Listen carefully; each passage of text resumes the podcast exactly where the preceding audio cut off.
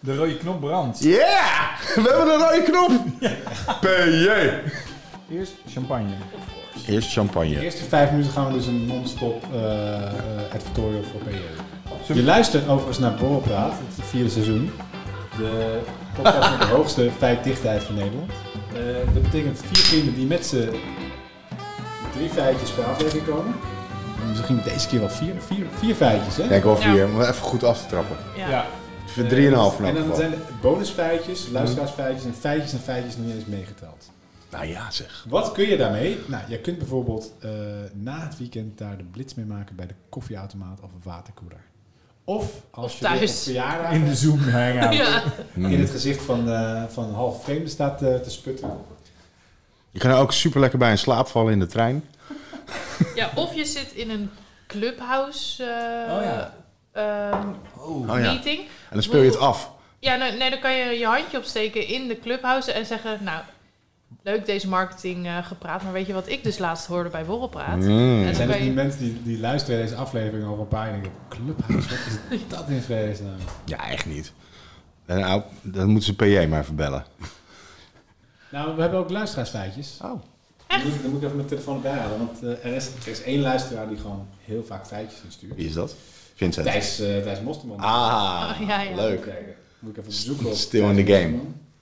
Wisten jullie dat ehm, de stem van Fred Flintstone, Mel Blanc, eh, ziek of gewond was en op zijn rug in het ziekenhuis lag? En toen zijn dus zijn collega stemacteurs om zijn bed komen staan om de aflevering van de Flintstones in te spreken in het ziekenhuis. Je hebt ze daar opgenomen. Ja, No way. ja. Een soort de Frida Kahlo van de, van, van de, van de stemacteurs. Eh, maar Rufus gaat eerst vandaag. Zal ik het doen? Ja. Oké.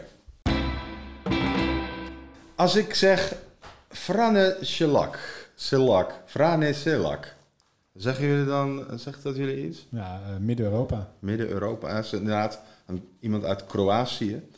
Geboren in 14 juni 1929. Eigenlijk hoor je dan te zeggen op, maar ja, die Veuve Clicquot is al zo eh, aan het bezig in mijn lichaam. En ik had Die ook vrij vandaag. Ehm, ja, eh, eh, dat is een eh, hele reguliere man. Leidt een onopvallend bestaan als muziekleraar. Totdat een, een treinreis in 1962 een ongelooflijke reeks bizarre gebeurtenissen in gang zet. Je zou bijna kunnen zeggen, het is een soort opzomfeitje. dus, Love eh, ja, ik dacht, eh, deze is voor Sanne.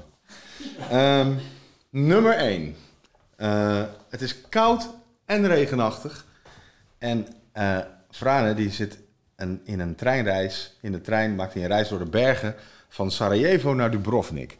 En ik weet niet of jullie daar wel eens eh, in die contraien in treinen hebben gezeten, maar het is ongeveer hetzelfde als in auto's. Eh, bijna de helft van de tijd rij je langs eh, ja, hele steile bergpasjes.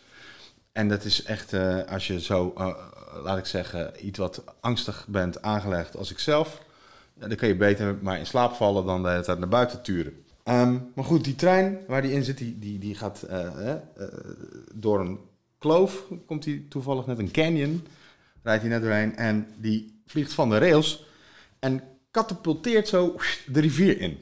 17 passagiers verdrinken daarbij. Maar eh Frane die kon, eh, ja, er zijn twee uitleggen van. Dan wel naar de kust zwemmen, dan wel een onbekende trekt hem in veiligheid. Eh Frane heeft een gebroken arm en eh, last van onderkoeling. Maar voor de rest eh, mankeert hem niks. Nou, zou je denken, eh, dat kan toch? Maar het jaar later, in 1963, hoort Frane dat zijn moeder ziek is, eh, waardoor hij een noodgeval heeft om van Zagreb naar Rijeka te vliegen. Dat wordt zijn eerste en enige vlucht ooit. Eh, hoewel die vlucht dan is volgeboekt, kan hij toch de luchtvaartmaatschappij ervan overtuigen dat hij bij de stewardessen achterin in het vliegtuig kan zitten. Want, zieke Echt moeders. Wat eh, een tijd. Ja, ja, Ja. eh, de- Alsjeblieft even mee. de- ah, zijn moeder was ziek, hè? dat is een noodgeval. En, eh, Ja, in, in, in die tijd hadden de mensen inderdaad gevoelens. Precies. En het was al niet alles zo efficiënt als eh these days. Ja. Eh, nou goed, ehm, hij zit daar en halverwege de vlucht eh, stoppen beide motoren mee. Ik kan je voorstellen dat het een klein eh, inter, eh, intercontinentaal, eh, hoe zeg je dat? Eh, juist niet, een, een lokaal klein vliegtuigje. Ehm, nou, beide motoren die, die stoppen ermee en de cabinedruk daalt. Maar Frane die heeft mazzel, want een van die deuren waar hij bij in de beurt zit, die is defect. En hij wordt uit die deur geblazen en belandt in een hooiberg. hij wordt wakker in een ziekenhuis. 19 mensen eh, sterven daarbij. Eh Frane heeft wat blauwe plekken. Eh, dat, dat is leuk. Ehm, ja, dat, Geen andere overlevenden? nou ja, dat, dat, we- dat denk ik niet. Eh, ik heb het gevoel dat er dan een piloot en een co-piloot, eh, drie stewardessen en eh, eh, veertien passagiers in dat ding Ja. zitten. Maar goed, drie jaar later, in eh 66, dan eh, neemt hij dan maar de bus, want hè? ja, er blijft niet veel over. Nee. Maar goed, die bus die glijdt van de weg, hup de rivier in, vier passagiers verdrinken. Sherlock zwemt naar de kust met een paar snijwonden en kneuzingen. Ja, Nou, bi- bijzonder. Echt, eh, ja. Maar goed, een paar eh, relatief sa- saaie jaren gaan dan voorbij. hè. Eh, ze- 67, 68, 69. Maar in 1970 eh, rijdt hij in zijn auto op de snelweg. En tijdens het rijden vliegt zijn auto in de brand. jezus. Hij weet gelukkig te ontsnappen. Net voordat de brandstoftank ontploft. Hij zal zelf echt wel gewoon... Je zou er bijna spiritueel van worden. Ja, of gewoon nooit meer ergens heen gaan. Ja, is misschien nu is het wel een goed moment al om te zeggen dat hij g- gedubt wordt. The world's most unlucky, luckiest man. Ja, precies. Eh, En wel een goede bijnaam. Eh, maar goed, waar was ik? Eh, ja, tank ontploft. Eh, 73, drie jaar later, nog een bizar auto-ongeluk. Hij staat bij een benzinestation en een kapotte brandstofpomp lekt een enorme hoeveelheid benzine over zijn motorkap. En er ontstaat een steekvlam en de vlammen schieten door de ventilatieopeningen. Woep! Al zijn haar weg. Maar verder niks. D- dus dat is... ja, he framed that shit, zou je kunnen zeggen. Maar goed, nu in 95 wordt hij gewoon aangereden door een bus in, in Zagreb. Maar hij loopt slechts lichte verwondingen op. Jezus. Goed, eh, het jaar daarop, in 96, Hoe lang eh, rijdt hij weer door de bergen. In, eh, ja, ja ik, weet, ik weet niet of jullie dat in Kroatië hebben gereden, maar het is ook een soort ja, Russisch roulette eigenlijk. Eh, maar een vrachtwagen eh, rijdt dan op zijn Skoda af. eh, in, in tegengestelde richtingen reizen over een bergweggetje. En eh, ja, ergens staat dan een vrachtwagen van de Verenigde Naties. Ik kan me niet voorstellen dat zoiets bestaat, maar goed. Eh, hij eh, Wat, een rijdt... UN eh, Tuurlijk. ja, nog nooit gezien. Het zijn blauwhelmen die eruit stappen. Een vrachtwagen van de Verenigde Naties. Iets very commons. Ja, Zo zou we makkelijk erin kunnen knippen. Iedereen heeft dat wel eens gezien. In elk geval, hij ziet hem op zich afkomen. Hij rijdt de vangrail in, springt uit zijn auto. Eh, eh, in die, tij- tijdens dat hij die manoeuvre maakt. Hij weet eigenlijk hoe laat. Die, ja, ja, hij ziet hem al aankomen. Eh, auto en die vangrail donderen de berg af. En eh eh Frane die kijkt toe terwijl, die vrachtwa- terwijl zijn auto ontploft. Eh, ergens daar eh, beneden. eh, nou ja, eh, eh, eh, letsel, geen. Hè, je hoort het al. Dus, ja, dat is, eh dat is eh Frane Selak uit Kroatië. Ehm, wacht, eh, ik ben nog niet klaar. Ehm, Ga door. ik heb hier nog een quoteje van hem. Op een gegeven moment was ik blij dat ik nog vrienden over had. Eh, er zijn er heel wat die me niet meer willen zien omdat ze bang zijn dat ik ongeluk breng. ja, ook dat is Kroatië. Terwijl hij Eh, toch alles overleefd heeft Ja, tot die tijd. Maar goed, in 2002, twee dagen na zijn 73ste verjaardag, eh wint Selak de loterij in eh, Kroatië. zijn jackpot was ongeveer 900.000 euro waard. Jezus. Eh, hij trouwt met Catharina, zijn vijfde vrouw. Oh, Eh, eh, hij koopt een riante villa. Ergens eh, op een andere eh, research eh, staat er twee huizen en een boot. Dus het zou heel goed in Split kunnen zijn. eentje in Split en dan een riante villa ergens anders. Maar eh, eh, even later verandert hij van gedachten en verkoopt hij het weer in 2010. Eh, zijn laatste grote uitgave wordt een heupoperatie. Zou het misschien toch wel iets eh, hè, wat een beetje is gaan etteren of zo. En een heiligdom voor de Maagd Maria als dank voor zijn geluk. Het resterende geld geeft hij aan familieleden en vrienden en besluit een sober leven te leiden. Het enige dat ik op mijn leeftijd nodig heb is mijn Catharina. Toen zij in mijn leven kwam, wist ik dat ik echt een gezegend leven had. Dat is Frane Selak, the world's most unlucky, luckiest man. Hij leeft nog. Hij leeft nog steeds. Oh, de eh, en de- briefschrijver. het laatste wat ik van hem heb gezien was uit 2020. eh, en toen eh, leefde hij nog. Dat, zo, tot zover mijn bijdrage. Ik wil het met jullie hebben over Steven Spielberg. Nou hebben Rufus en ik al een keer een eh, film eh, special gewijd van, van Borrelpraat aan eh, zijn meesterwerk Jaws. Dat was, dat was een aanrader. Ja, en eh, ik wil het nu gaan hebben over de jaren daarvoor die daartoe geleid hebben. Want hoe kon het dat iemand van 24, 25 een, een wat later zou blijken Oscar genomineerde films eh, kon, eh, kon gaan eh, regisseren voor Universal Studios? Of voor Universal moet je dan zeggen. Ehm, hij beweert dat hij vanaf zijn zestiende al daar rondliep. Ja, dat, is ook waar, toch? Hij is de boy wonder van in die hele... Ja. hoe heet het? Coppola en eh, Pieter Fonda.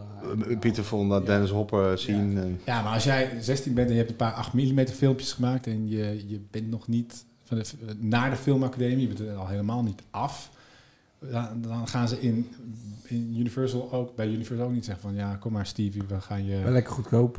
we gaan je een, eh, een, een paar, eh, een paar een ton geven. detective eh, eh, tv-series laten. Ze hebben zoveel geld toch alle kanten op Precies.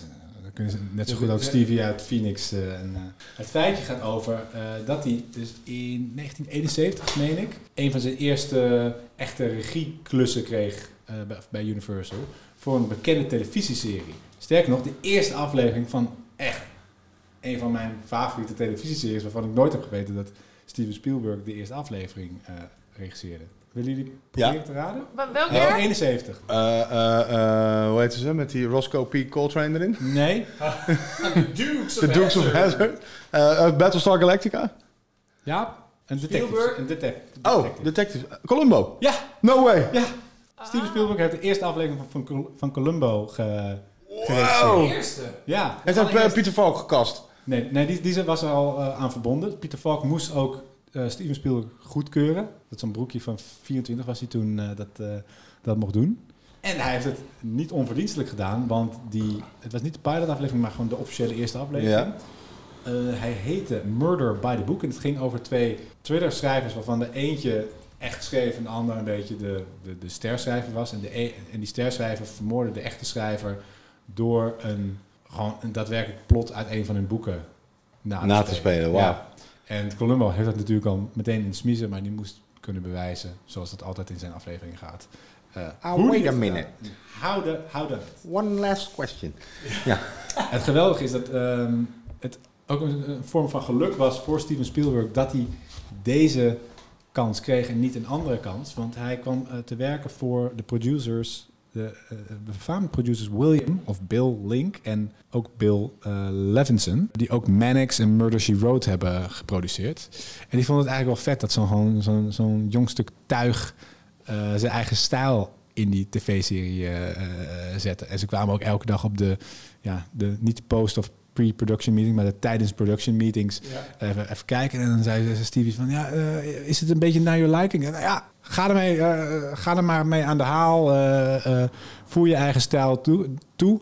En je kunt nu op YouTube dus ook eh, die aflevering zien. En het is ook echt gewoon een Steven Spielberg aflevering. Ja, je, je, je herkent de, de, de handtekening, de signatuur direct. Eh, en Wat is zijn achtergrond eigenlijk? Hij, is- hij heeft altijd film gedaan. Hij is eh, ge- geboren in Cincinnati, maar heel vroeg in zijn leven naar Phoenix verhuisd. Dus echt in de woestijn. En ja, hij is vanaf zijn tiende of zo eh 8 mm filmpjes gaan maken. Op een gegeven moment won hij dus een filmcompetitie. Kreeg hij een 16 mm camera daarvoor. Toen is hij gaan sparen voor een 16 mm zo'n, eh, geluidsding. Dat, dat hij geluid bij zijn 16 mm filmpjes kon maken. Ja. En hij was heel erg gefascineerd door Lawrence of Arabia, waar we ook een aflevering over hebben gedaan. Dus hij ging dus de, de desert van, van Arizona in om met zijn vriendjes een, een woestijnoorlogsfilm eh, te maken. En telkens liet hij dat aan meer mensen zien. En het, nou, dit was dus ook eh, het volgende feitje. Ik vroeg me af, hoe kwam Steven Spielberg überhaupt aan die kans toe om gaan maken voor Universal? Hij zei zelf in een eh, interview ooit dat hij ooit gewoon in pak, zichzelf in pak heeft gestoken en een aktentasje heeft meegenomen. En vanuit Phoenix in zijn vakantie gewoon naar Universal is gegaan, daar de lot opgelopen is en een leegstaande bungalow is, eh, is gaan betrekken. En dat ze pas twee jaar later door hadden dat, eh, Dat, dat het Nee, leeg stond. Echt? Nee, nee, dat is niet echt. Maar hij heeft het wel beweerd in de interviews. En waarom, het, waarom we weten dat het niet klopt, is omdat hij allemaal varianten van hetzelfde verhaal heeft verteld. Hetzelfde verhaal een beetje geldt voor die jongens die het VPRO-gebouw hebben gebouwd. eh. Van MVRDV? Hè? MVRDV? Nee, zijn zij dat? Ja? Het, het huidige VPRO-gebouw. Ja, toch? Nou, dan hebben ze dat gemaakt eh, toen ze... Dat was dan hun eerste ding. Ja. Want eh, ze waren nog ja, aan, aan het studeren. Toen hadden ze een soort idee van eh, opgestuurd naar de VPRO. Ja, die vonden dat eh, wel interessant. Toen zeiden ze, we komen bij jullie langs. Eh, waar zitten jullie? Toen hebben ze een band gehuurd aan de gracht. En toen ze langskwamen, hebben ze al hun ouders erin gezet. Die Ja? achter laptops staan. Winnie Maas dan waarschijnlijk. Ja, Winnie Maas, ja. Gek verhaal, toch?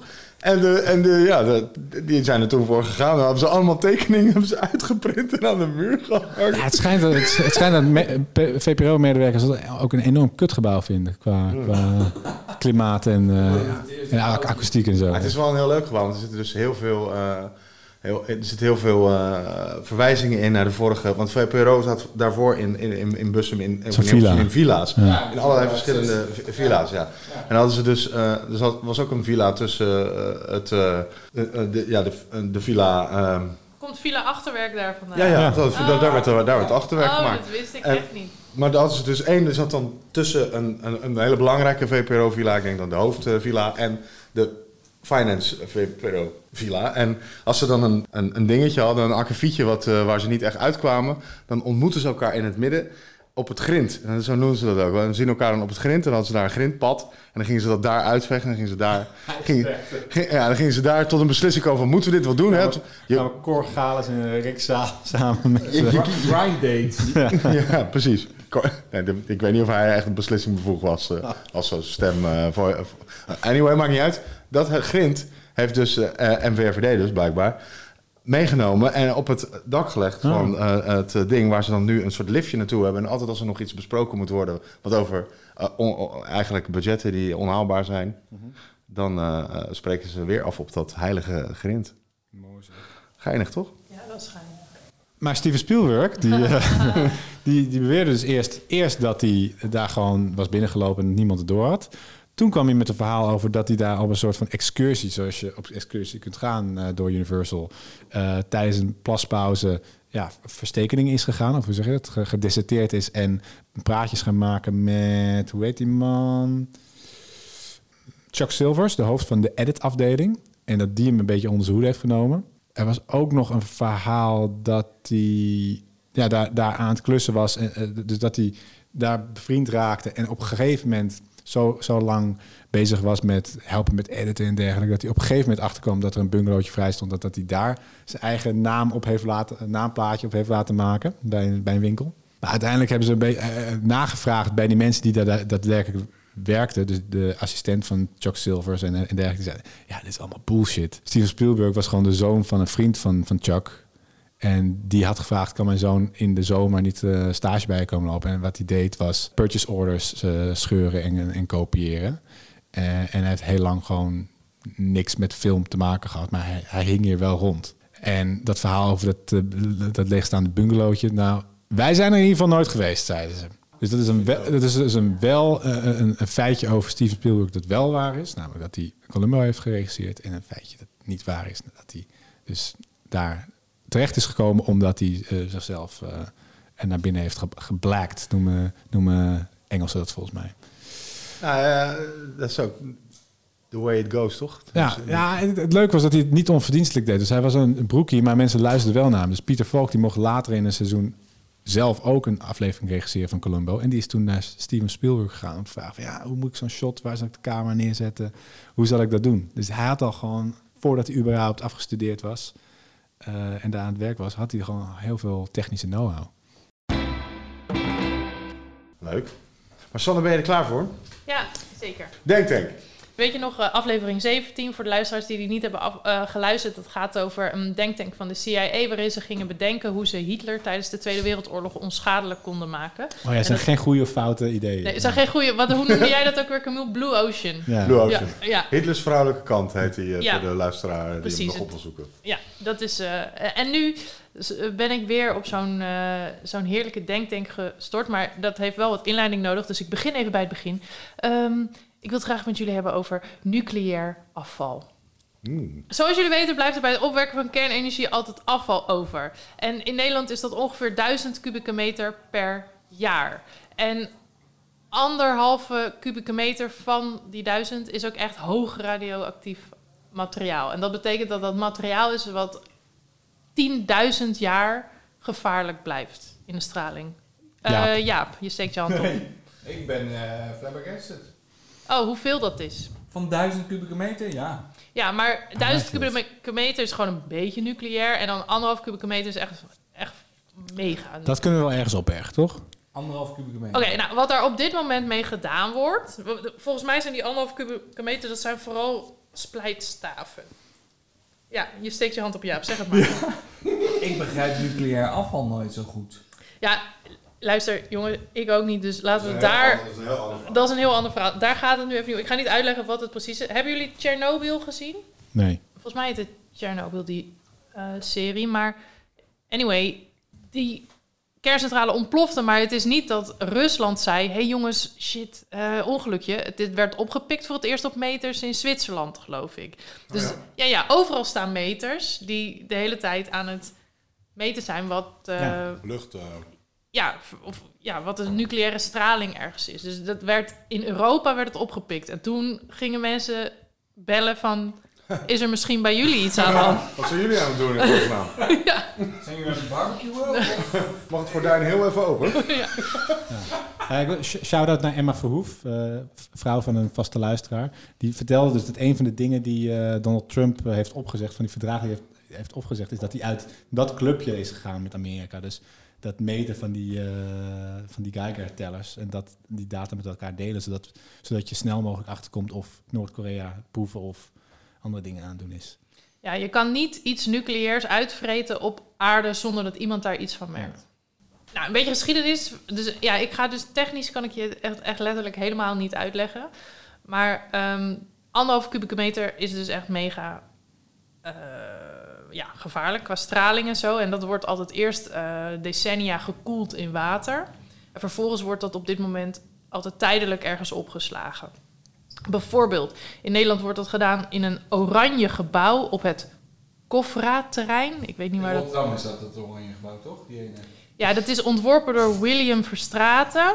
William Verstraeten. En dat wordt elke 20 jaar in een lichtere tint overgeschilderd. En daarmee wordt de afnemende wa- warmteproductie van het afval verbeeld. Als het gebouw wit is in 2103, is het tijd om het ondergronds te gaan opslaan.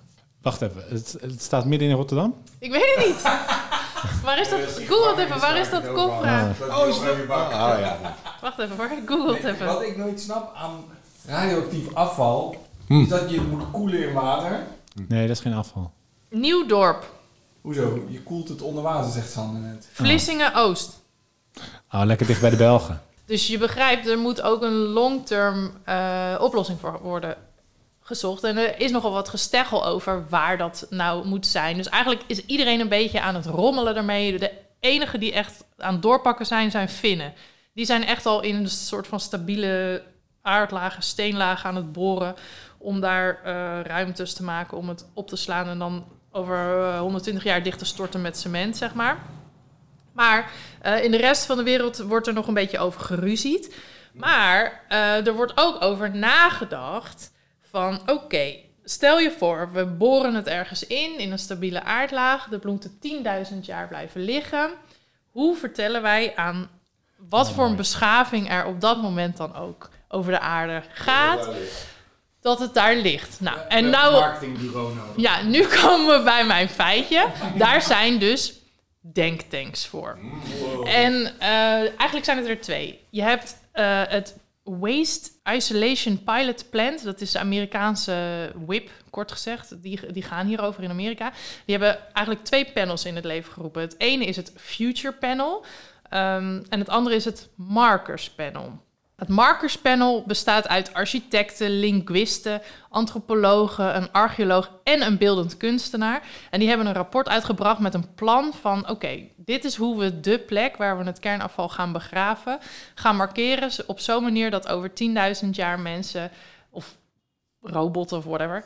ehm, Wally, ja, dat die snappen dat ze hier niet moeten graven. Dat plan heb ik hier voor me liggen. PDFje. Ja, letterlijk. Het is een pdfje. Mooi. Ja, ik is trouwens helemaal niet zo heel veel pagina's hoor, maar een stuk of dertig. ik zal je even het schetsje laten zien en ik zal het ook aan de luisteraar uitleggen. Dit is even een globale schets. Ja. Ik vind zelf dat die beeldend kunstenaar... Ik, toen ik dit rapport zo lag- las, dacht ik, er had best even een designertje naar kunnen kijken. Want het is een beetje schematisch eh, allemaal. Maar hier, dit is bijvoorbeeld een marker die ze er dan bij willen stoppen. En dat is eigenlijk... Oké, het plan is als volgt. Eigenlijk, ik vat het even samen. Ze willen een soort hunebed bouwen. Het begint met een grote berg. eh, en daarop wat eh, zuilen in graniet. Dan is er ook een soort informatiecentrum eh, zonder dak, zodat er licht naar binnen kan vallen. En onder de grond zijn ook nog allemaal plaatjes, magnetische velden, jada, jada, jada. Nou, maar dan ga je toch juist daar zoeken. Ja, oké. Zoals bij Daar Hunebedden kom ik zo meteen op. piramides. En dan zetten ze markeringen ook van een soort van hele geschrokken gezichtjes. Zo, een beetje zoals de Scream, weet je wel? Ja, Of zo. Munch. Ja, ja. en de- dan staat er van eh, danger. Eh, High voltage. Ja, ja, dat ja. En dan hier ligt radioactive waste.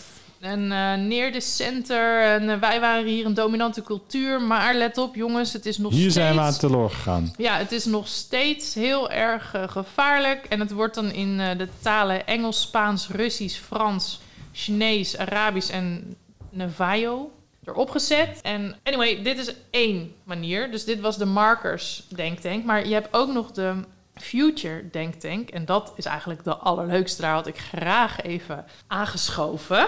Ik vind dat je gewoon daarna moet solliciteren. Kijk, Quantico gaat je niet lukken omdat je geen Amerikaan bent, maar dit, dit kan nog, toch? Dit kan wel, internationaal toch? gezelschap. Ja, ja. dat denk ik ook, ja. Het Future Panel, wat dus eigenlijk het vetste is, dat bestaat dan weer uit sociologen, politicologen. Dat ben ik, dus ik, het is ook wel logisch dat ik dit gewoon eh, bij deze naar solliciteer. Sanne is politicoloog. Ja, Eh, juristen, natuurkundigen en experts op het gebied van klimaat en landbouw, dus een soort OMT.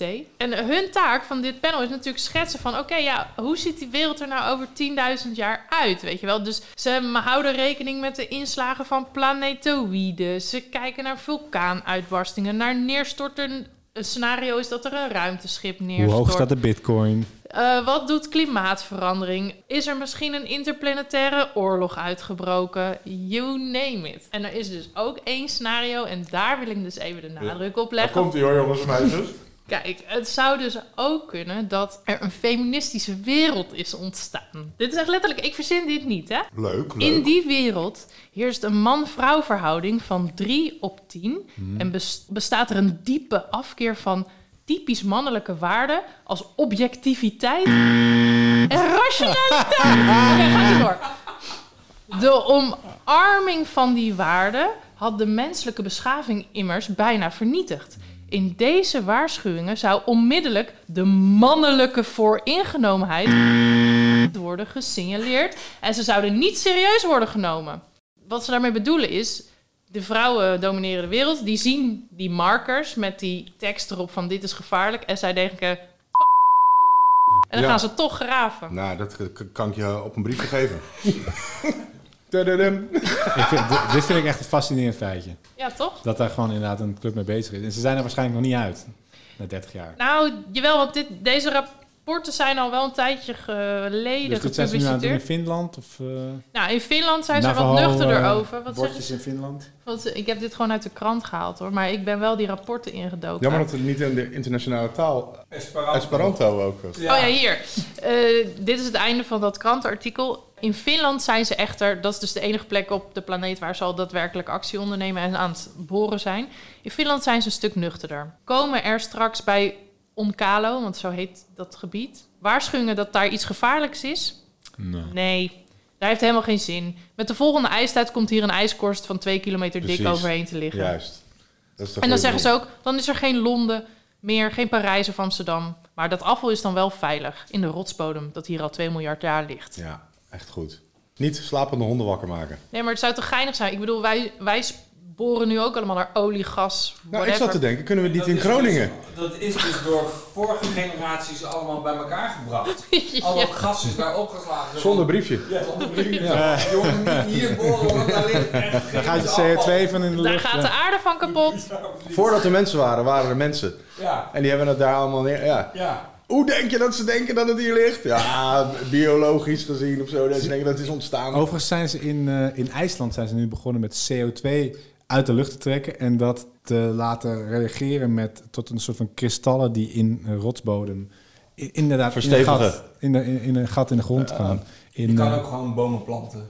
Nee, nee, nee. Nee, maar ze zijn juist eh, eh, sinkholes aan het repareren daarmee. Dus. Nee, die bo- dat boomplanten, dat, dat zegt natuurlijk geen zoden aan de dijk. Je moet, eh, je moet eh, sneller. Je moet mangrovenbossen, algen, eh olivine eh, vergruizen.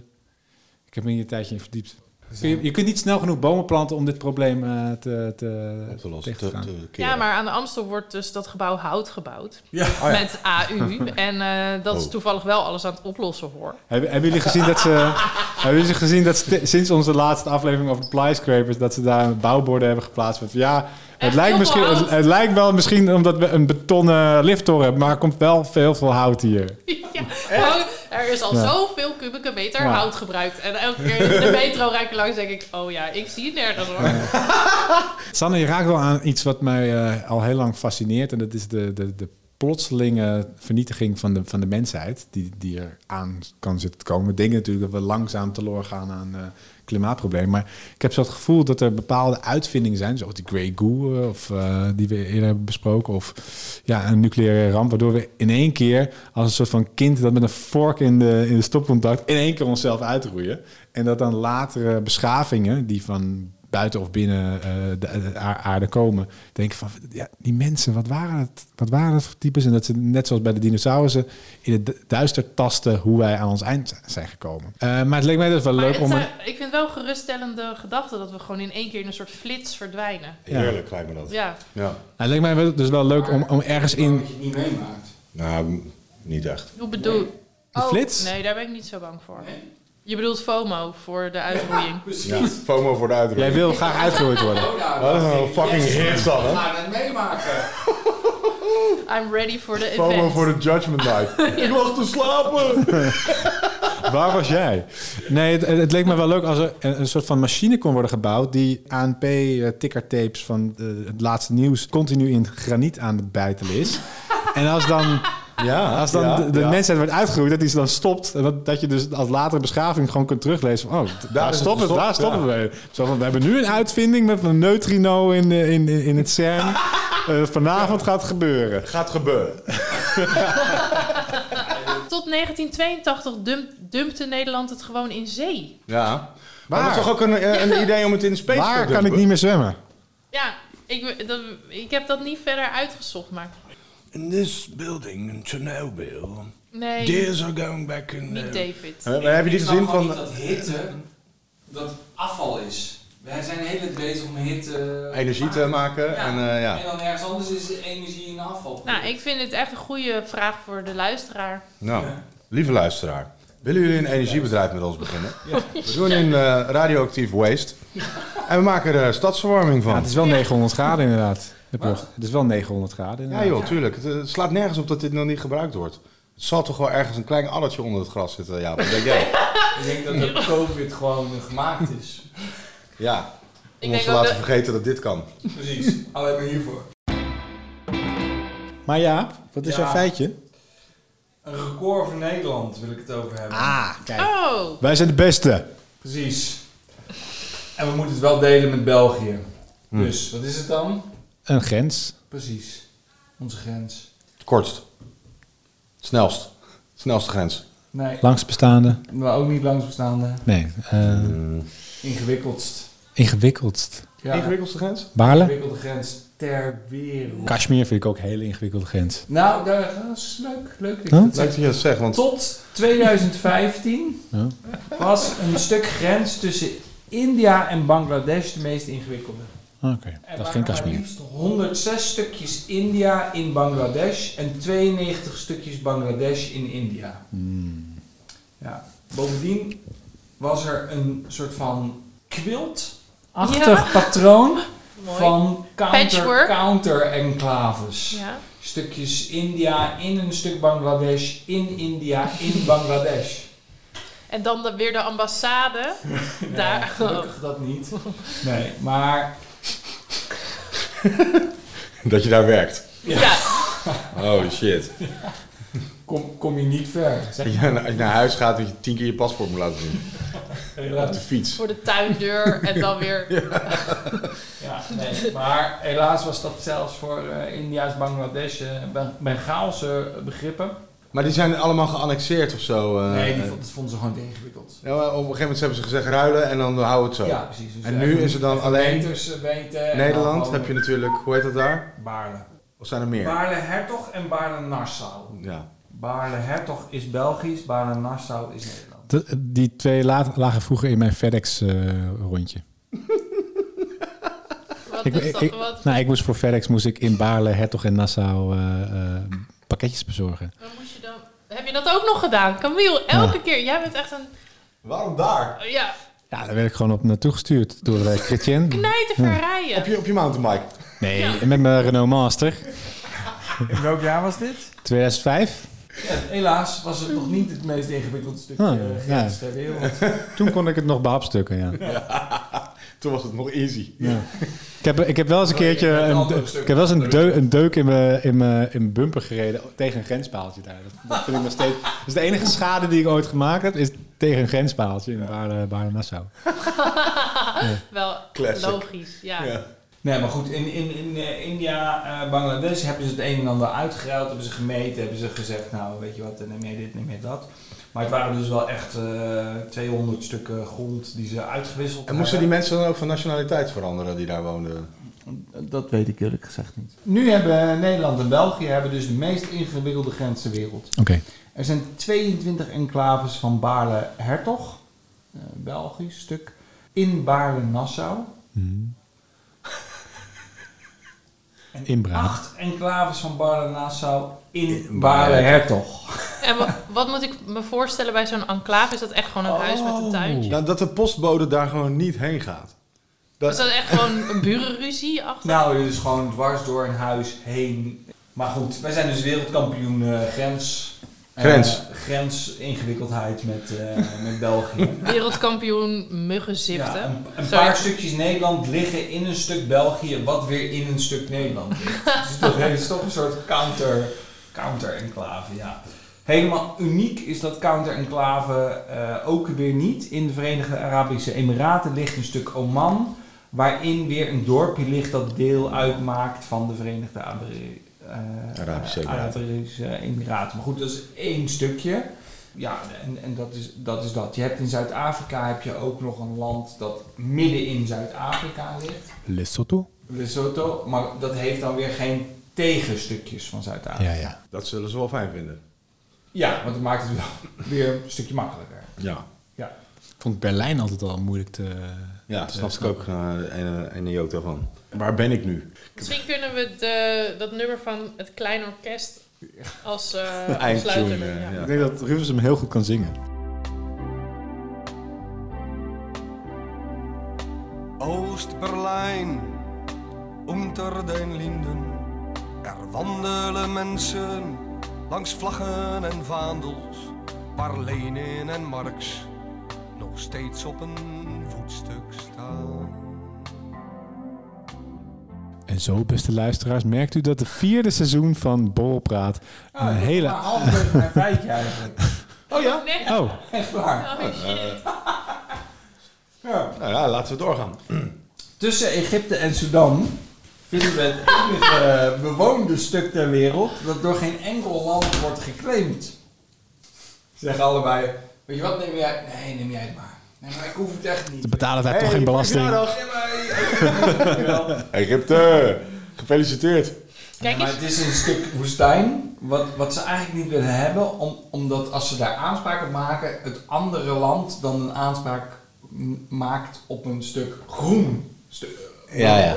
Groen. Een oase. Een oase. en af en toe duikt er dan natuurlijk iemand op die daar denkt zijn eigen, eh, eigen s- staat denkt te stichten. Een rijke westeling die er Ja. naartoe... Ja. eh, We hebben heel veel mensen En die komt dan al van een koude kermis eh, Ja. De thuis. Bagwan.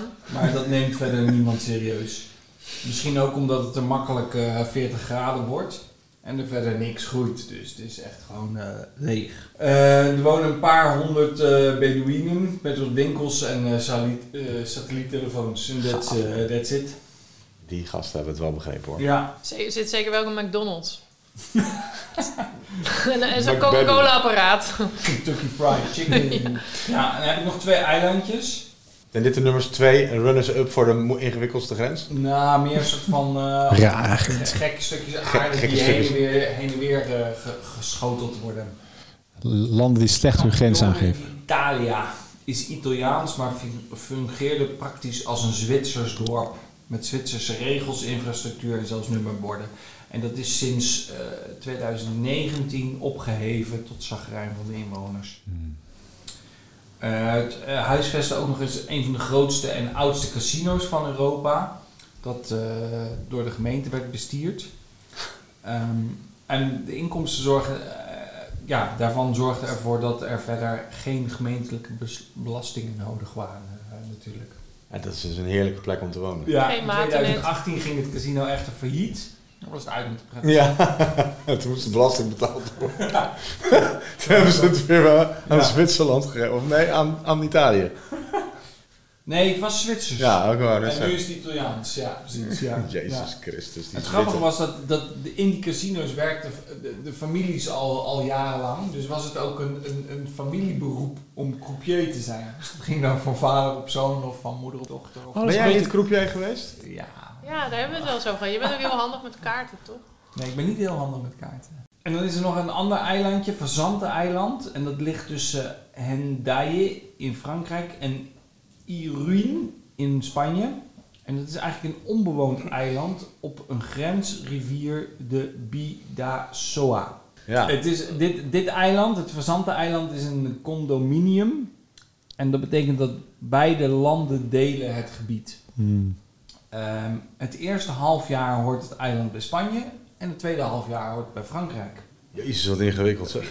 Het eiland Sorry. wordt ook nog wel eens gebruikt om toekomstige bruiden van koningen op te pikken. Wel zo handig.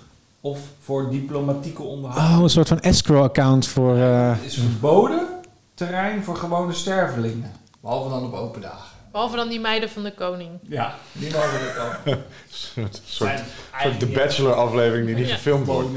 Het zijn niet echt gewone stervelingen, hè? Nee. Oh man.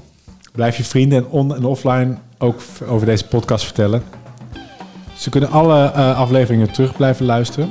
Blijf eh, de feitjes insturen via Instagram. De tune is van de New Cool Collective in dit mengpaneel van PE Doornduin. Van PE TV.